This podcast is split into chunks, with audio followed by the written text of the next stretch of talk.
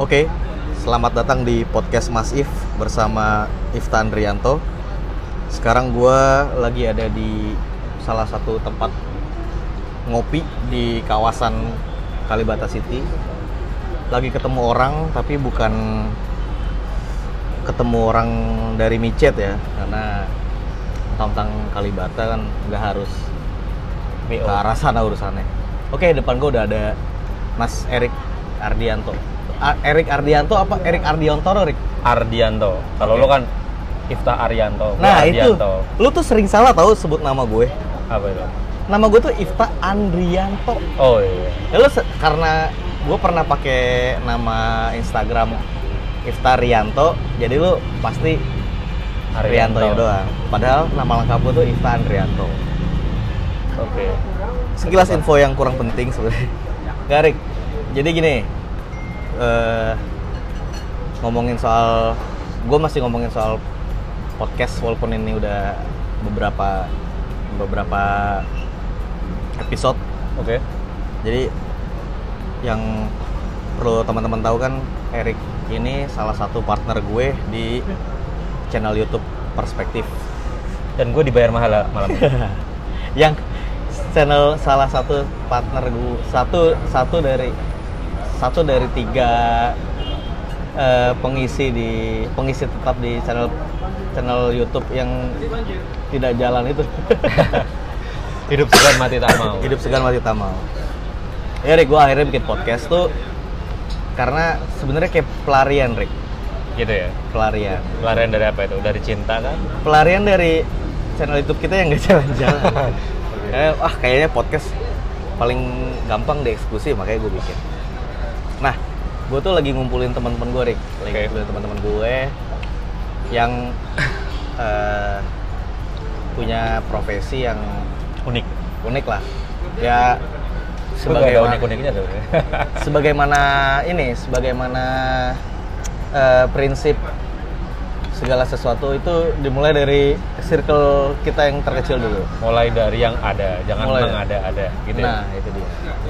Ke- dan kebetulan, kebetulan nih, lu kan dosen muda ya. Lu udah lu udah firm belum sih dengan predikat itu? Anjir, gue dosen muda nih. Gitu. Udah, udah pede belum lu bang? Aduh ya gimana ya? Memang satu usia masih muda ya. Emang ya enaknya disebut gitu. Cuman gue lebih kepada gini kalau ditanya orang ya Taya, ini Ah. ditanya orang. Eh lo kerja apa sekarang Rik? Ah. Gue bilangnya mengabdi gitu. Ah. Oh mengabdi, mengabdi, mengabdi apaan gue bilang? Ngabdi "Ya, gue setan." ngajar gitu. Oh, Ngajar. oh iya. Kok di mana? Di SMA mana? Bilang, Enggak kok di kampus. Kampus mana? Kampus swasta. Oh, lo sekarang dosen ya? Udah. Iya. Oh, dosen muda berarti ya? Gue bilang gitu. Ya, itu kira-kira perasaan lu gitu. gimana? Perasaan lu gimana? Gue sih ya Masih eh, canggung atau udah mulai ah ini nih di identitas yang akhirnya? Karena kan sebelumnya kita kita sama nih Aha. di private sector, swasta, tukang jualan, working class ya. Kelas pekerja. working class hero ya kan. Akhirnya lu dapat pekerjaan yang sesuai sama bisa dibilang sesuai sama passion lu lah ya. Boleh dibilang kayak gitu. Ya. memang apa eh, lebih ke keinginan sih tah. Jadi gue pasca yang gue ceritain tadi ya pasca gue buat tesis, terus kemudian gue lulus, gue sebelumnya juga gue udah berpikir ya apakah gue akan mengarah di sini gitu kan. Ah. Tapi pikiran gue tuh eh, memang selalu tindakan-tindakan gue itu selalu ke arah itu. Heeh. Nah terus kemudian pada satu ketika, nah ini gue cerita sama lo juga, gue belum cerita sama lo juga nih, gue sekalian cerita sama teman-teman nih. Jadi sebenarnya gue tuh eh, ditawarin ya sebenarnya, nggak nggak nggak niatnya ada gitu kan, cuman kebetulan persiapan, kesiapan dan ketemu sama peluang gitu loh. Oke, oke. Nah, terus gua, kemudian gue ditawarin gara-gara gue ikut diskusi di salah satu tempat gitu kan Hmm. di situ gue ngobrol mengungkapkan pandangan-pandangan gue segala macamnya nah kebe- kebetulan eh, si pembicara itu kayaknya punya satu frekuensi dengan gue gitu lah Ah. nah gue ketemu tek di minat yang sama gitu kan new media komunikasi politik terus kemudian isu-isu tentang youth nah di situ gue mulai klik ya dari situ gue akhirnya lanjut ke percakapan ngobrol ya, Hmm. tentang buku-buku segala macam Nah, dia Dan- sendiri dosen. dosen dia Dosen. Nah, dia dosen, kebetulan dia dosen eh, habis pulang dari Amerika Oke. habis lanjutin S3 di Amerika dan eh, ketemu dan ngobrol segala macamnya ya sampai sekarang sih gua eh, ya masih baik apa hubungannya sama dia juga cukup sekarang Ya. tambah baik ya tambah baik Ya, macamnya karena, gua karena dia pun yang ngebukain lo jalan tuh Iya. beliau.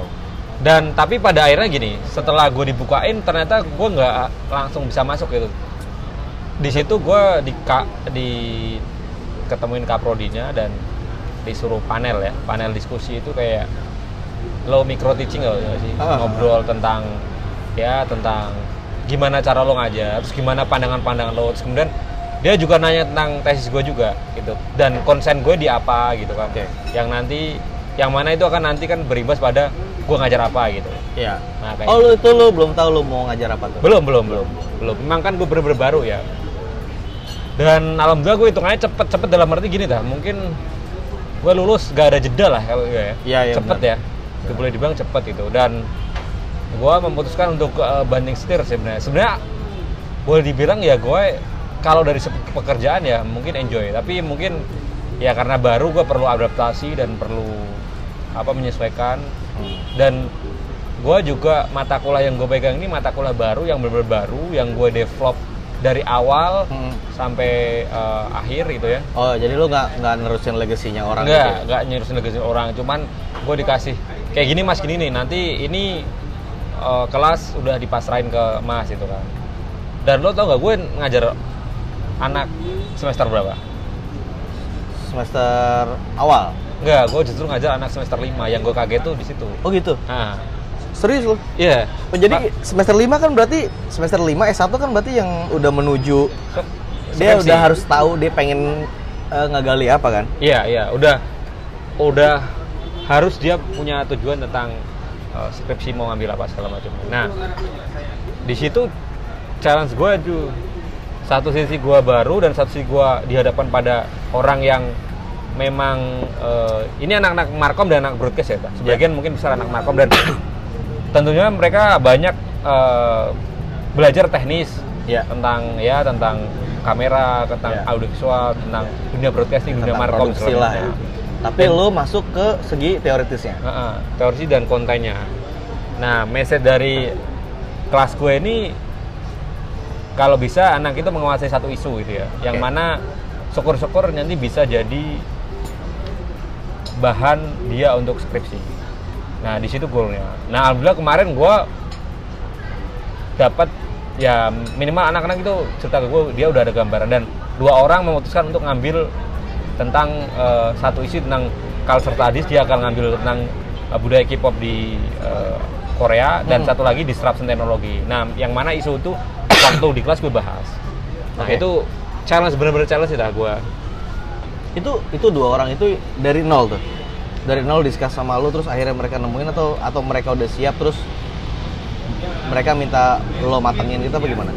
Nah, jadi kan gue ngajar kelas media dan isu kontemporer. Nah, Oh. di situ gue memang nyiapin beberapa isu eh, yang gue buat, yang gue eh, apa namanya, menurut gue itu isu yang kekinian, Ya. yang dekat dengan anak muda dan isu yang terutama di dunia komunikasi ya, yang isu terbaru gitu. Ya, benar. Nah, gue pilih kemarin kayak isu tentang post truth, tentang youth quake, tentang culture studies, kemudian tentang mental illness, kemudian tentang gender, terus kemudian uh, pop culture, disruption teknologi. Nah, dari situ ada subjudul subjudul lagi yang gue apa namanya mapping ya. Ya.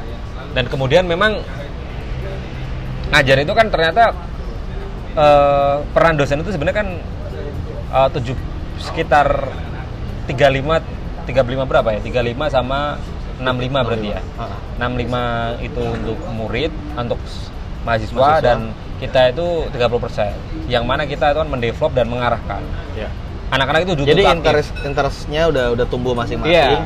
Lo tinggal lo fasilitator lah ya. Iya, boleh bilang gitu. Guidance lebih ke arah bagaimana isu yang yang mau dia angkat sesuai dengan interestnya masing-masing. Iya. Terus dikemas sebagai karya ilmiah nantinya gitu ya. Hmm, hmm. Ha- Goalnya gitu.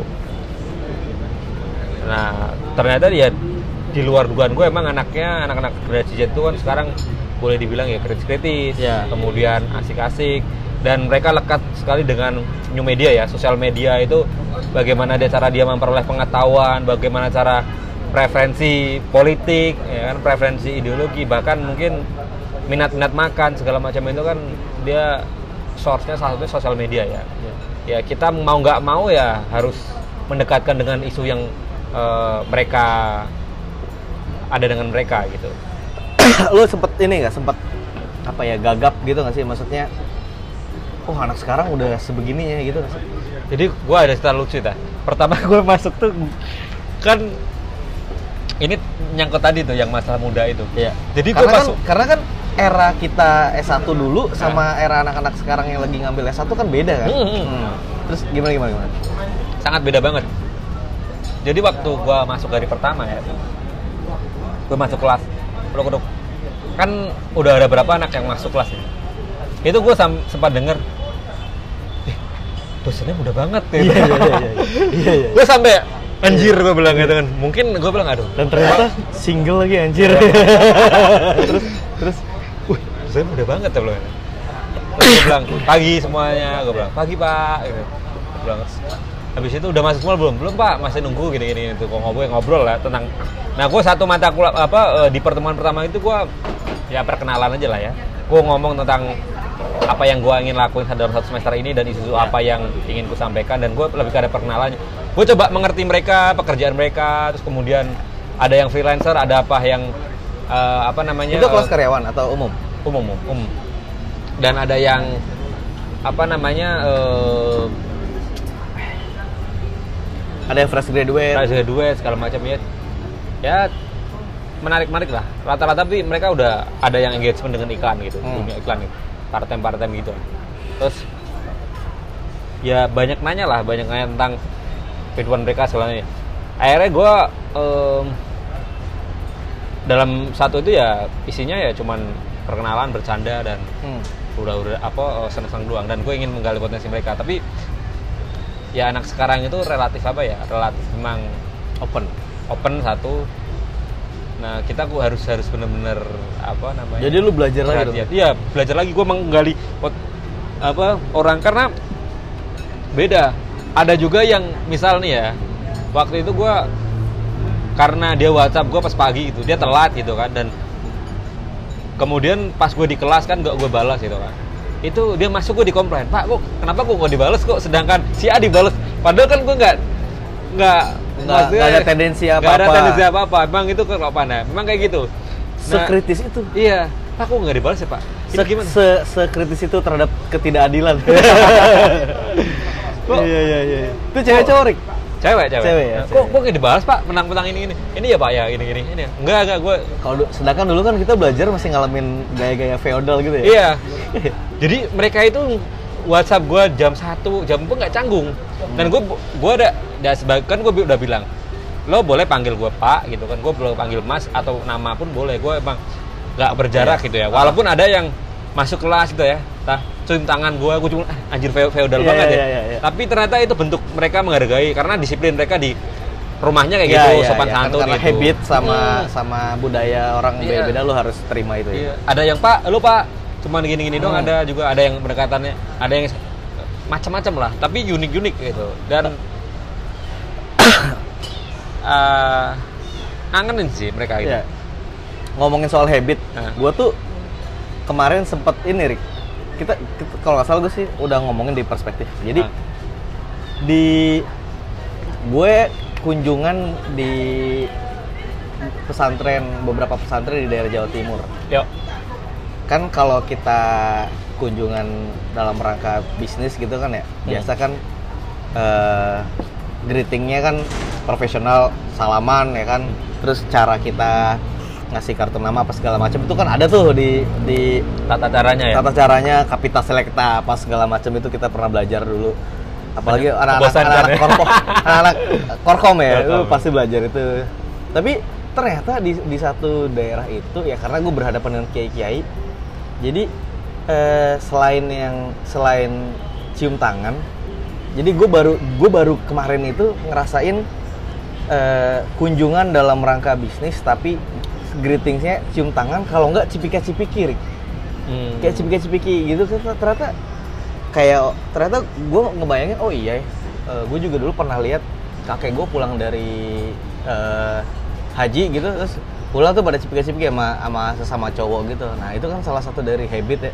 dari Hmm. dari dari budaya ya. Tradisi pesantren tradisi. Itu itu yang oh iya ternyata memang kita harus apa ya walaupun walaupun canggung tetap aja di mana bumi berpijak ya di situ langit dijunjung. Itu tuh gue belajar banget tuh akhirnya.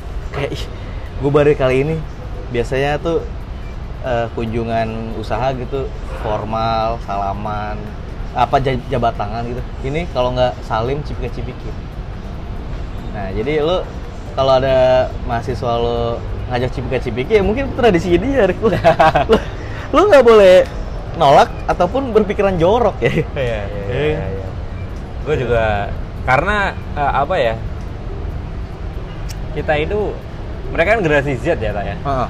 Generasi yang memang hidup dengan Keterbukaan eh, ya. Keterbukaan dengan sos dia hidup udah ada gadget gitu ya, sosial media rata-rata mungkin usianya 21 gitu ya kali ya, Iya. 21 prediksi gue 21 sampai 22 gitu kan.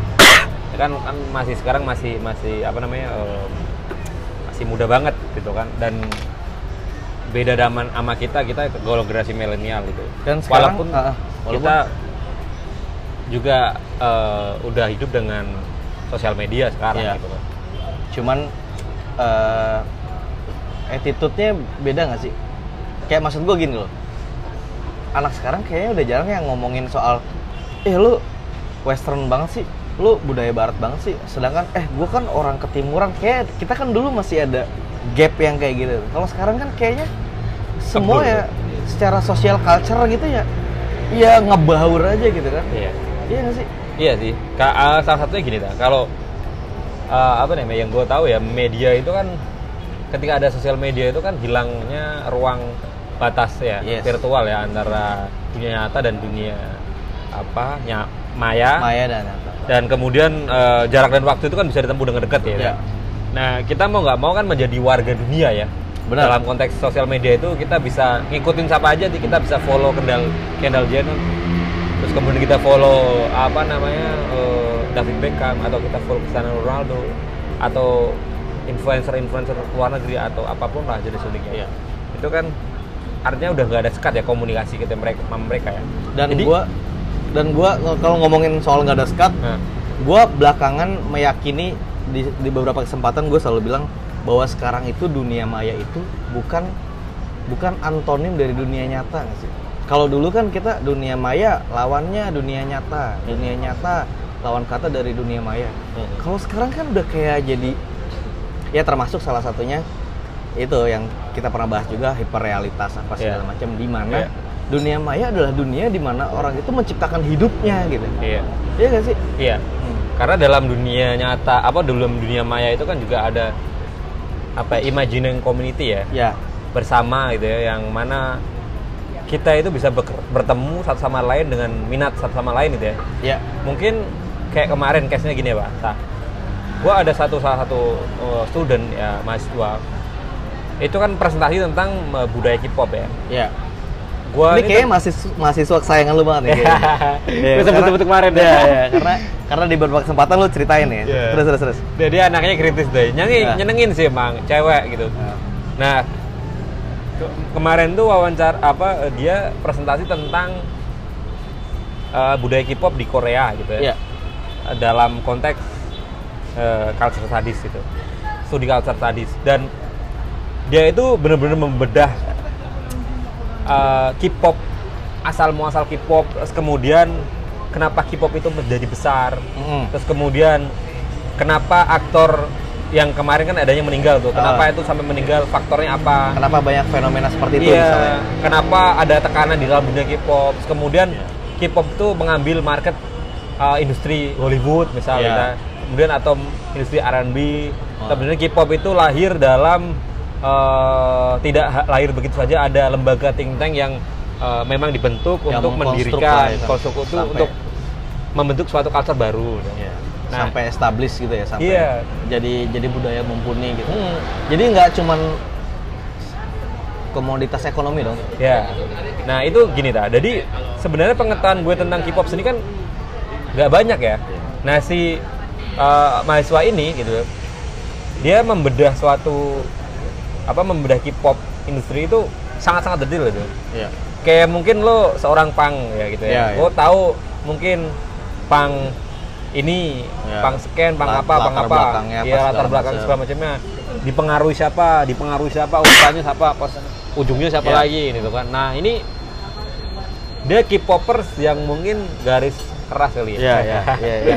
bukan garis lurus atau udah garis udah lucu ya udah bukan jadi suatu interest tapi lebih udah jadi idealis gitu idealismenya dia nggak Iya. sih Iya. bisa dibilang kayak gitu nggak sih Iya, studi malah menurut gua. Itu Studi. udah studi. Stu- gua menyimpulkan malah itu gua tarik ya walaupun itu kalau dipandang dari sisi lain itu kayak negatif gitu ya mungkin karena senang kayak gitu Tren, tapi karena tren. Ah, karena tren orang nyangkanya ke- ke arah Iya. sana.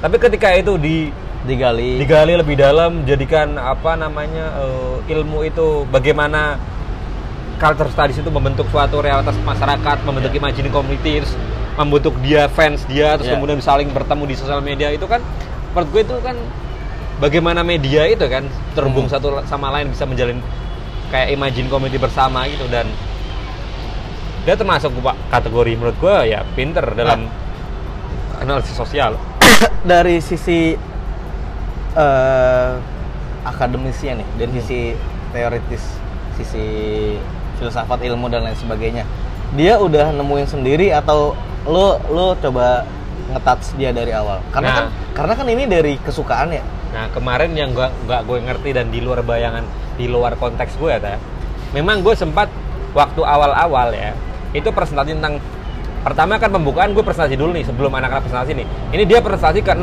kalau nggak salah. ya Dan gue presentasi dulu kan. Memang gue waktu itu eh, apa namanya presentasi tentang teori hiperrealitasnya Baudrillard ya. Baudrillard, tentang Baudrillard. Nah gue sempat presentasi tentang teori tersebut di kelas gitu nggak tahu kenapa ini anak mungkin nangkep ya terus Iya. kemudian pas dia saat prestasi gitu ya dia mencoba memakai metode Baudrillard dalam konteks culture studies tuh dan Oke. itu menurut gue masuk banget tuh dalam konteks K-pop ya Hmm.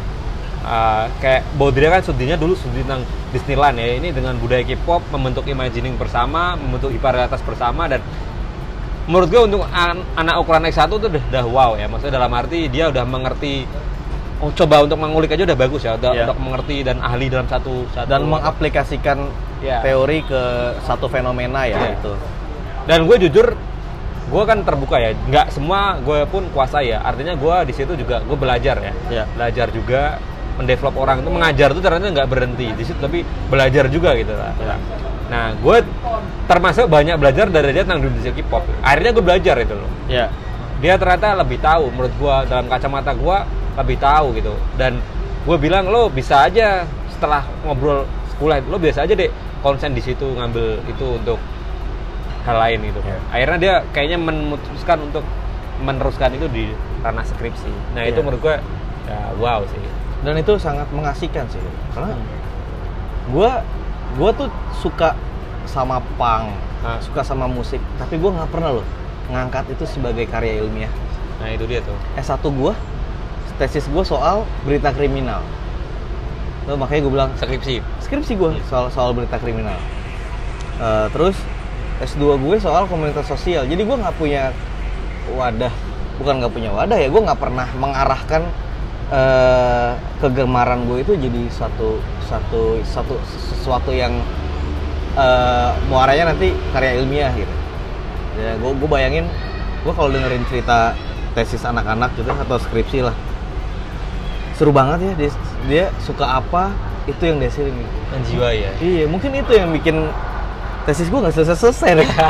ya, coba gue dulu, suka dulu ya? Iya, coba gue dulu ngebahas musik mungkin kali ya atau dulu gue sebenarnya sebelum sebelum komunitas sosial eh, itu kan tema kita dapetin justru itu berkat perspektif juga tuh. Gue lagi persiapan seminar proposal kan. Oh, tapi gue belum punya bahan nih, belum punya belum punya topik lah. Hmm. Akhirnya kita ketemu Tania kan. Hmm. Tania juga gue ajak ke podcast gue. Ya udah ke situ. Gue mikir-mikir tadinya gue mau eh, ngangkat ranah eh, komodifikasi dari punk rock misalnya, Hmm. di mana eh, punk rock eh, punk yang yang yang notabene idealis idealisme yang yang tuh timbul dari perlawanan sekarang jadi komoditas bahwa eh, kalau lu ngomongin fashion barangnya sekarang mahal-mahal. Apalagi metal. Kaos metal mahal banget Rick. Kalau kalau menurut gue itu ada ada sesuatu yang mengkonstruk gitu. Ada ada ada sesuatu yang eh, menjadikan itu jadi komoditas gitu. Sampai akhirnya jadi semua orang akhirnya sekarang jadi sebatas style aja. Nah gue pikir gue pikir K-pop juga kayak gitu. Kayak gue sempat underestimate kayak yang alah orang juga kayaknya suka sama K-pop tuh cewek-cewek tuh karena ganteng-ganteng kali ya. Ternyata ya kayak yang lo bilang ternyata banyak K-popers yang eh, menyukai K-pop tuh karena ini. Kalau yang pernah gue ajak ngobrol sih karena dia suka sama cara mereka buat nge-create suatu idola. Bahwa di sana itu nggak ada idola yang di yang muncul tiba-tiba. Nggak ada yang instan. Semua lewat audisi lewat karantina lewat apa segala macem sampai akhirnya itu bener-bener jadi jadi satu produk yang sekarang jadi boom banget. Ternyata ada bukan ada ya ternyata banyak yang mengang- yang belajar dari itu dari K-pop itu. Dan dan saat gua tanya lo lo nggak suka orang Indonesia? gitu. Nah balik lagi ke mungkin salah satunya soal hiperrealitas bahwa gue pikir tadinya orang akan eh, apa ya nilai kayak apa ya kayak patokan cowok ganteng akhirnya dia mengacu pada itu. Ternyata enggak juga. Ternyata ya mas gue sih ngelihat K-pop suka ngefans ya ngefans. Gue jadiin wallpaper ya gue jadiin wallpaper. Gue jadiin avatar gue jadiin profile picture ya. Tapi tetap aja buat real life gue gue nggak nyari orang yang se se ayu itu se semanis mereka gitu tetap aja gue cowok gue ya jawir kayak lo gitu dan lain sebagainya. Jadi dia dia bisa membedakan inters dia sama sama kehidupan nyata dia. Dan lagi eh apa ya yang gue tangkap ya kayak gue bilang terus lu lu berharap apa dari K-pop? Jawabannya adalah gue nggak gue berharap gue nggak berharap dari K-pop. Gue berharap industri hiburan Indonesia bisa kayak mereka. Wah itu gue langsung wah. Ini sih bukan bukan poser ya bukan tema fantasi itu menurut gue kan. ya ya ya. Masuk bagian tema fantasi. Ya yang menarik dia juga ini kemarin gue tanya ya em, dan kata dia versi dia itu di sana itu justru orang Korea sendiri nggak terlalu suka sama K-pop. Oh gitu ya? Iya versi dia. Lu kok gue tanya kok lu kok kok begitu bisa iya mas. Jadi sebenarnya yang gue tangkap dari percakapan mereka karena itu di, di kelas tuh diskusi juga tak Iya. Maksudnya debat itu terbuka kayak ya. kita dulu dong Iya. Debat itu kan antara yang pro sama yang kontra segala macamnya karena sama yang underestimate kayak Nah, gua gitu itu kan. Jadi yang gua tangkap yang eh, pemap- dari pemahaman mereka itu yang gua tangkap memang eh, K-pop itu sebuah culture sih, culture industri. Culture ya, Iya. Lebih dari itu, bukan hanya kita bicara soal musiknya, tapi bagaimana bukan hanya produk media Iya, juga ya Iya. Culture itu, culture yang memang diproduksi itu. Kayak misalnya ya Hollywood tuh kan nggak jadi satu hari dua kali kan. Iya. Dan ternyata K-pop juga dipikirkan udah lama gitu. dan setelah kita didominasi sama Bollywood terus ke Hollywood Nah, sempat sedikit mengarah ke Turki tapi nggak jadi kan Nah. era-era kemarin-kemarin tuh. Stasiun TV yang punya klasifikasi penonton yang ya yang dengan kategori tertentu ternyata sekarang K-pop lebih lebih ini ya, Hits ya. lebih Tapi gue pikir gini juga ya, ketika eh, mungkin gini, kalau kita bicara eh, industri ya, maksudnya Amerika itu kan punya industri Hollywood ya, dengan musik apa R&B, kemudian sekarang ada musik-musik EDM juga kan, dan rock juga di sana ada. Terus di India itu ada musik India juga kental ya tentang Hmm. tradisi segala macam. Di K-pop juga ada musik musik Korea dan di Jepang juga kita dulu kan ada musik musik Harajuku segala macam.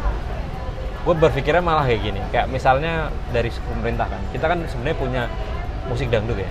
ya Nah, selama ini kan banyak orang itu yang kayaknya pengen go internasional segala macamnya gitu. ya secara person mungkin satu dua ada yang sampai gol gitu ya. Iya. Mungkin Agnes, kemudian Anggun gitu. Ah. Tapi secara culture yang kuat sebuah industri itu kan kita nggak belum ada loh. Ya, Maksudnya nggak yang established mumpuni gitu ya. Nah, Maksudnya kita kenapa nggak pemerintahan? Gue kemarin lihat kayak misal event Asian Games saja itu kan Ya. dangdut dikemas dengan gaya kota itu lah oleh Wisnu Tama kalau salah benar. benar Dikemas ya, dengan Via Valen segala macam. via Valen dan dikemas Ada rapnya dan sebagainya. Iya, dikemas tampilannya, kemudian dikemas orkestranya segala macamnya dibentuk seolah eh, ya boleh gue bilang layak untuk dijual di industri eh, internasional gitu ya. Ya. Nah selama ini kan dangdut identik dengan musik menang ke bawah gitu dan ya memang musik rakyat gitu ya. Tapi sebenarnya gue kadang berpikir liar ya dalam arti sebenarnya kalau kita secara culture ya, kalau kita bicara secara uh, culture industri itu yang untuk naik di atas itu sebenarnya justru mu- musik dangdutnya itu. Kalau kita mau bandingin misalnya kita dengan istri rock kita atau tanpa meng-underestimate atau mengkreditkan mereka ya, tapi Ya. kan itu kan saingannya akan sangat sulit gitu ya. Ya. Ya, India dunia tuh nggak butuh Indonesia buat dengerin lagu rock kan kayak Iya, gitu. kayak gitu. Amerika udah punya, Iya. Inggris udah punya. Iya, kenapa nggak kita itu jual terus kita create sebagai sebuah culture industri gitu Iya. ya? Karena modalnya banyak banget lah, gitu ya. Kayak misalnya contoh kita di sepak bola aja lah ya. Sepak bola gitu kan harusnya kalau segi eh, matematika ya kita harusnya kan ukuran untuk apa kayak misalnya membentuk suatu liga yang bagus kemudian eh, masuk bahkan mungkin masuk Piala Dunia itu menurut gue ya hal yang bukan mustahil ya dengan ya lo Dengan bicara potensi. Iya, lo bicara di setiap tim itu di desa ada loh. Iya benar. Sepak bola dari desa, kemudian dari apa namanya kecamatan, kabupaten, provinsi dan itu ada liga masing-masing itu. Kayak musik dangdut lo bayangin aja musik dangdut itu lo kalau misalnya lo di Jawa kan ya kan koplo yang versi ya kan ibaratnya ini koplo Udah punya ini sendiri-sendiri. Iya. Kadang-kadang ciri khas kayak di Indramayu tuh ada ya sama-sama dangdut tapi ini koplo pantura nih kayak gini Pantura. nih. Iya. Terus ke Sumatera dangdutnya lebih ke Melayu gitu ya Iya. sebenarnya. belum lagi lo lihat aja sekarang misalnya fenomena di kempot di di apa da, boleh dibilang di daur ulang ya maksudnya Ya. dengan tampilan yang agak agak keren itu ya dan bisa masuk di pasar-pasar misalnya di anak-anak jaksel gitu ya Iya, benar. itu nah, itu kan Di tempat hiburan-hiburan malam, Malam. yang orang tuh yang urban banget aja Iya. sekarang udah bisa wah. masuk gitu Iya benar. Gua- Harusnya gua- jadi momen sih. iya Harusnya. jadi itu harus momen bicaranya bukan skup dangdutnya ya kayak bicara seperti Korea Selatan ini bicara tentang bagaimana culture itu diproduksi gitu ya benar, benar. kalau bicara culture kan nggak hanya musik aja kan tampilan kemudian bagaimana ba- brand itu tagline itu Manajemennya, sellingnya. sellingnya segala macam di- dipikirin karena bayangin aja Bollywood loh. Lo lo lihat film India kan lo ketika lo waktu kecil lihat film lagi enak-enak nonton tiba-tiba nyanyi gitu kan. Iya. ya kan lo kadang kan berpikir agak aneh nggak? Tapi Iya. kan enak-enak juga sebenarnya. Mereka Iya, sebagai benar. sebuah karena terpaan, Rick. iya. Harusnya kita konsisten sama Iya. kar- kita menerima terpaan, kita menerpa keluar juga. Iya. Kita punya punya lah. Ciri yang- khas iya. Itu yang yang menurut gua harus dipikirin ya menurut gua ya. Dari kacamata gua ya bukan mengamat juga sih maksudnya dalam kacamata gua lihat fenomena di di ini ya harusnya bisa. nah, terus gua melihat anak kecil ini yang apa student ini yang memang kritis gitu ya bisa aja dengan sekarang musik kayak Didi Kempot pun bisa diterima di apa namanya industri menengah ke atas itu kenapa dangdut nggak bisa blow up lagi ke internasional misalnya gitu sebagai sebuah tagline Sebenarnya kalau ini ngomongin musik aja. Hmm. eh, di era pertengahan sampai akhir 90-an Indonesia tuh udah mulai Rick di mana gue inget banget waktu itu eranya Silon Seven, Hah? Jamrut, Dewa Hah?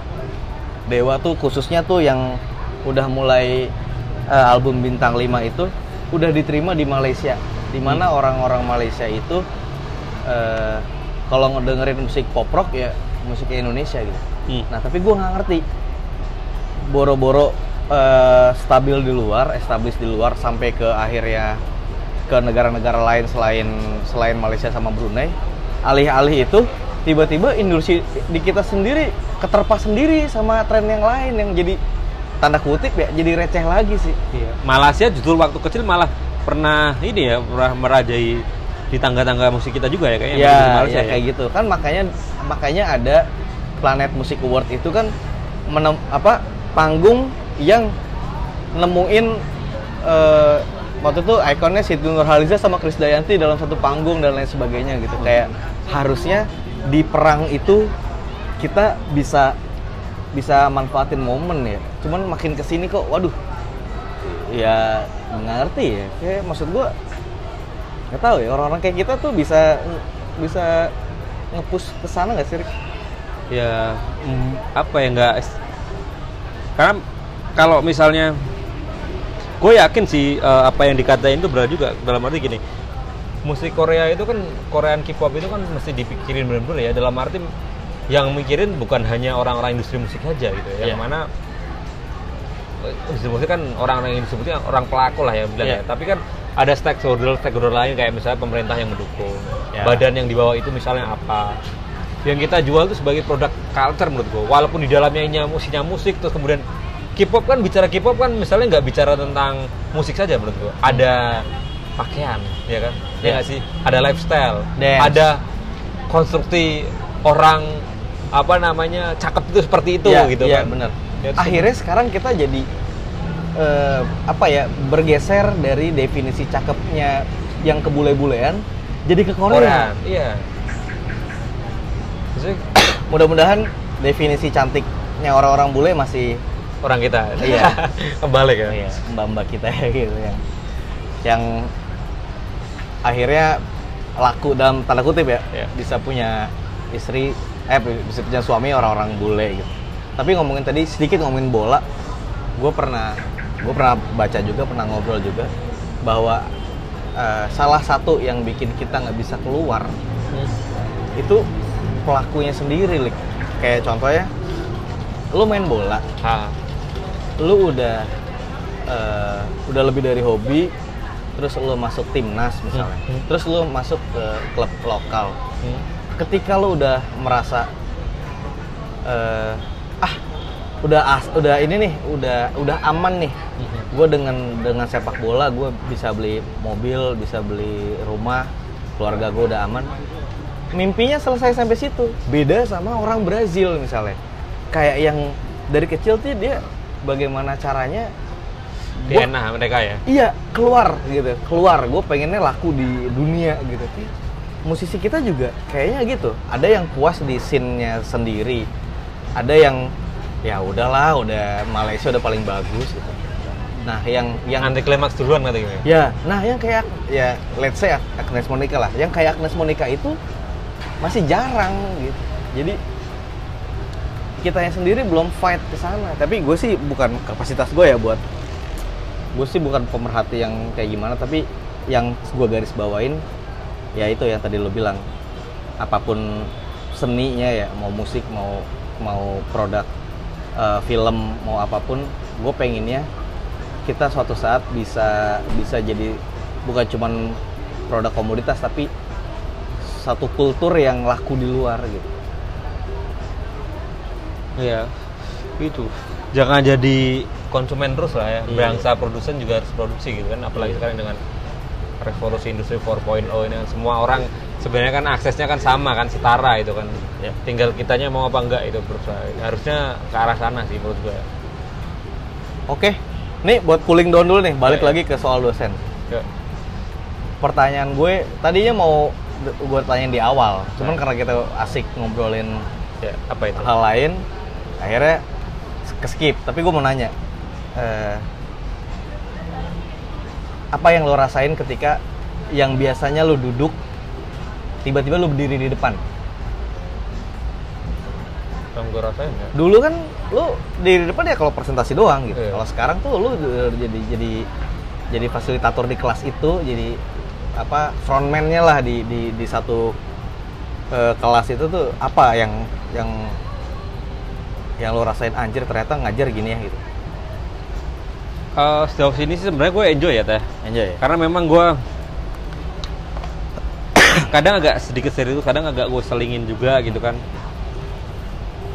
Selingin untuk bercanda sedikit itu Nah. kan untuk Tipe mahasiswa yang paling lu sebelin tuh yang kayak gimana, Rik?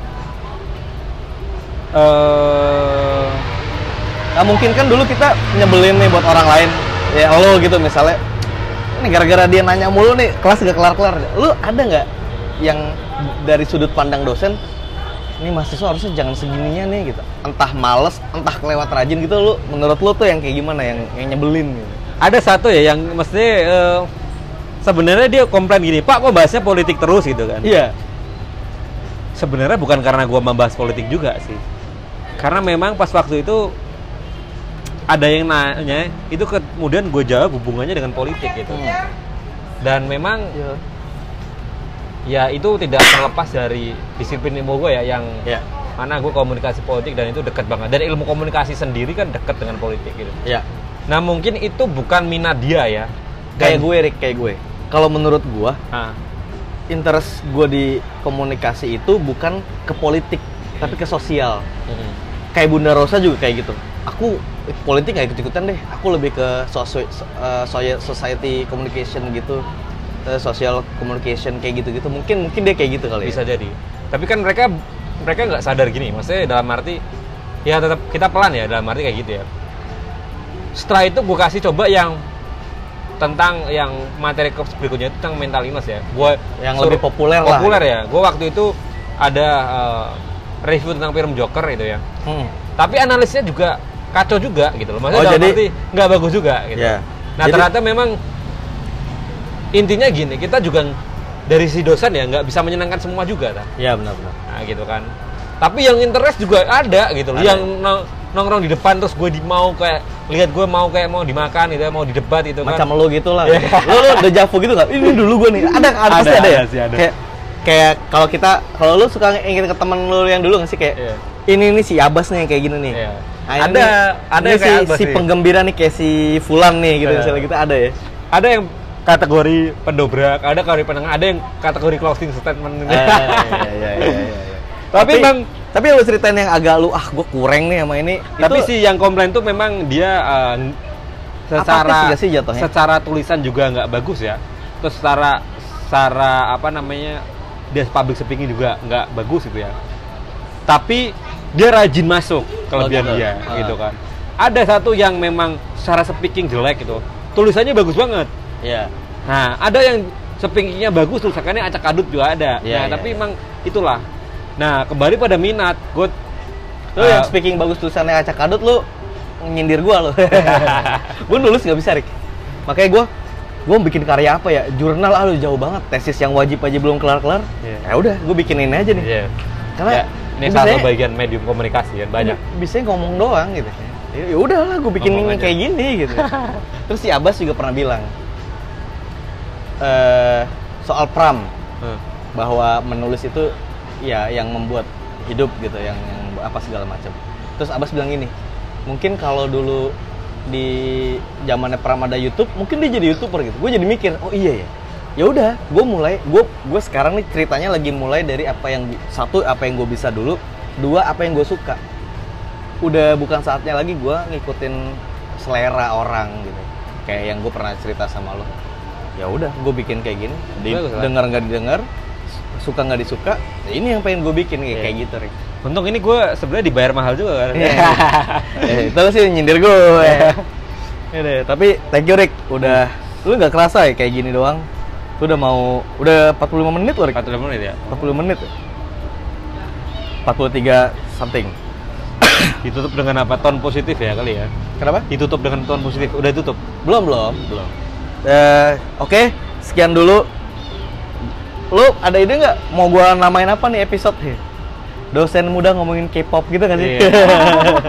karena gue sih nggak nyangka lu bakal ngomongin itu K-pop gue ya. tadinya eh, struktur pertanyaan yang eh apa namanya daftar pertanyaan yang gue bikin tuh di otak gue tuh pertanyaan-pertanyaan eh, standar kayak apa sih Rick rasanya jadi dosen gitu nah ternyata kan ini bisa berkembang, jadi Berkembang, ya. sesuatu pandangan baik pandangan lo atau pandangan mahasiswa lo sampai akhirnya mudah-mudahan bermanfaat kalaupun enggak ya udah cukup bermanfaat buat gua gitu, gitu. Ego lo udah tersampaikan ya. Oke, closing statement dari lo deh Gue buat yang denger. Eh, closing statement gue ya karena ini sedikit ada edukatif, gue ada eh, unsur-unsur culture juga ya. Jadi gue pikir eh, dengan zaman revolusi industri 4.0 sekarang ini terus kemudian di zaman disruption teknologi yang mana menurut gue semua orang itu setara ya, Ta ya. Ya. Di alam demokrasi dapat bisa mengakses semua teknologi informasi apa pun itu bentuknya. Bahkan salah satunya medium podcast ini. Gue pes gue cuma titip pesan, eh gue titip pesan kayak mau ini apa aja. Statement ya dari Iya. gua Harapan eh, lo? Harapan gua eh, untuk semuanya, untuk terutama untuk Indonesia kita udah saatnya menjadi bangsa eh, produsen ya. Kita nggak stop untuk jadi bangsa konsumen. Kita harus berkarya, kita harus menciptakan sesuatu yang menurut saya positif untuk eh, Indonesia ke depan. Itu sih dari gua Siap. harapannya. Thank you waktunya Rick. Siap. Eh, sukses buat eh, kegiatan belajar mengajar lo. Siap. Sampai jumpa di lain kesempatan. Eh, itu dia tadi obrolan gue sama Erik Arianto, eh, dosen muda yang pada akhirnya punya ah, nemuin apa eh, passion ya kerjaan lo sebagai passion, eh, lo bekerja sesuai dengan passion lo benar gak sih? Iya, boleh Iya. dikatakan gitu loh. Iya. Mengabdi lah ya. Benar, karena gue juga setuju kalau ada yang pernah bilang sama gue, pekerjaan yang paling dekat dengan Nabi adalah pekerjaan mengajar. Wih. Wih, ini ngeri banget. Mudah-mudahan lo nggak, mudah-mudahan lo nggak jadi nabi palsu. gue sama Erik pamit. Eh, sampai jumpa di episode berikutnya.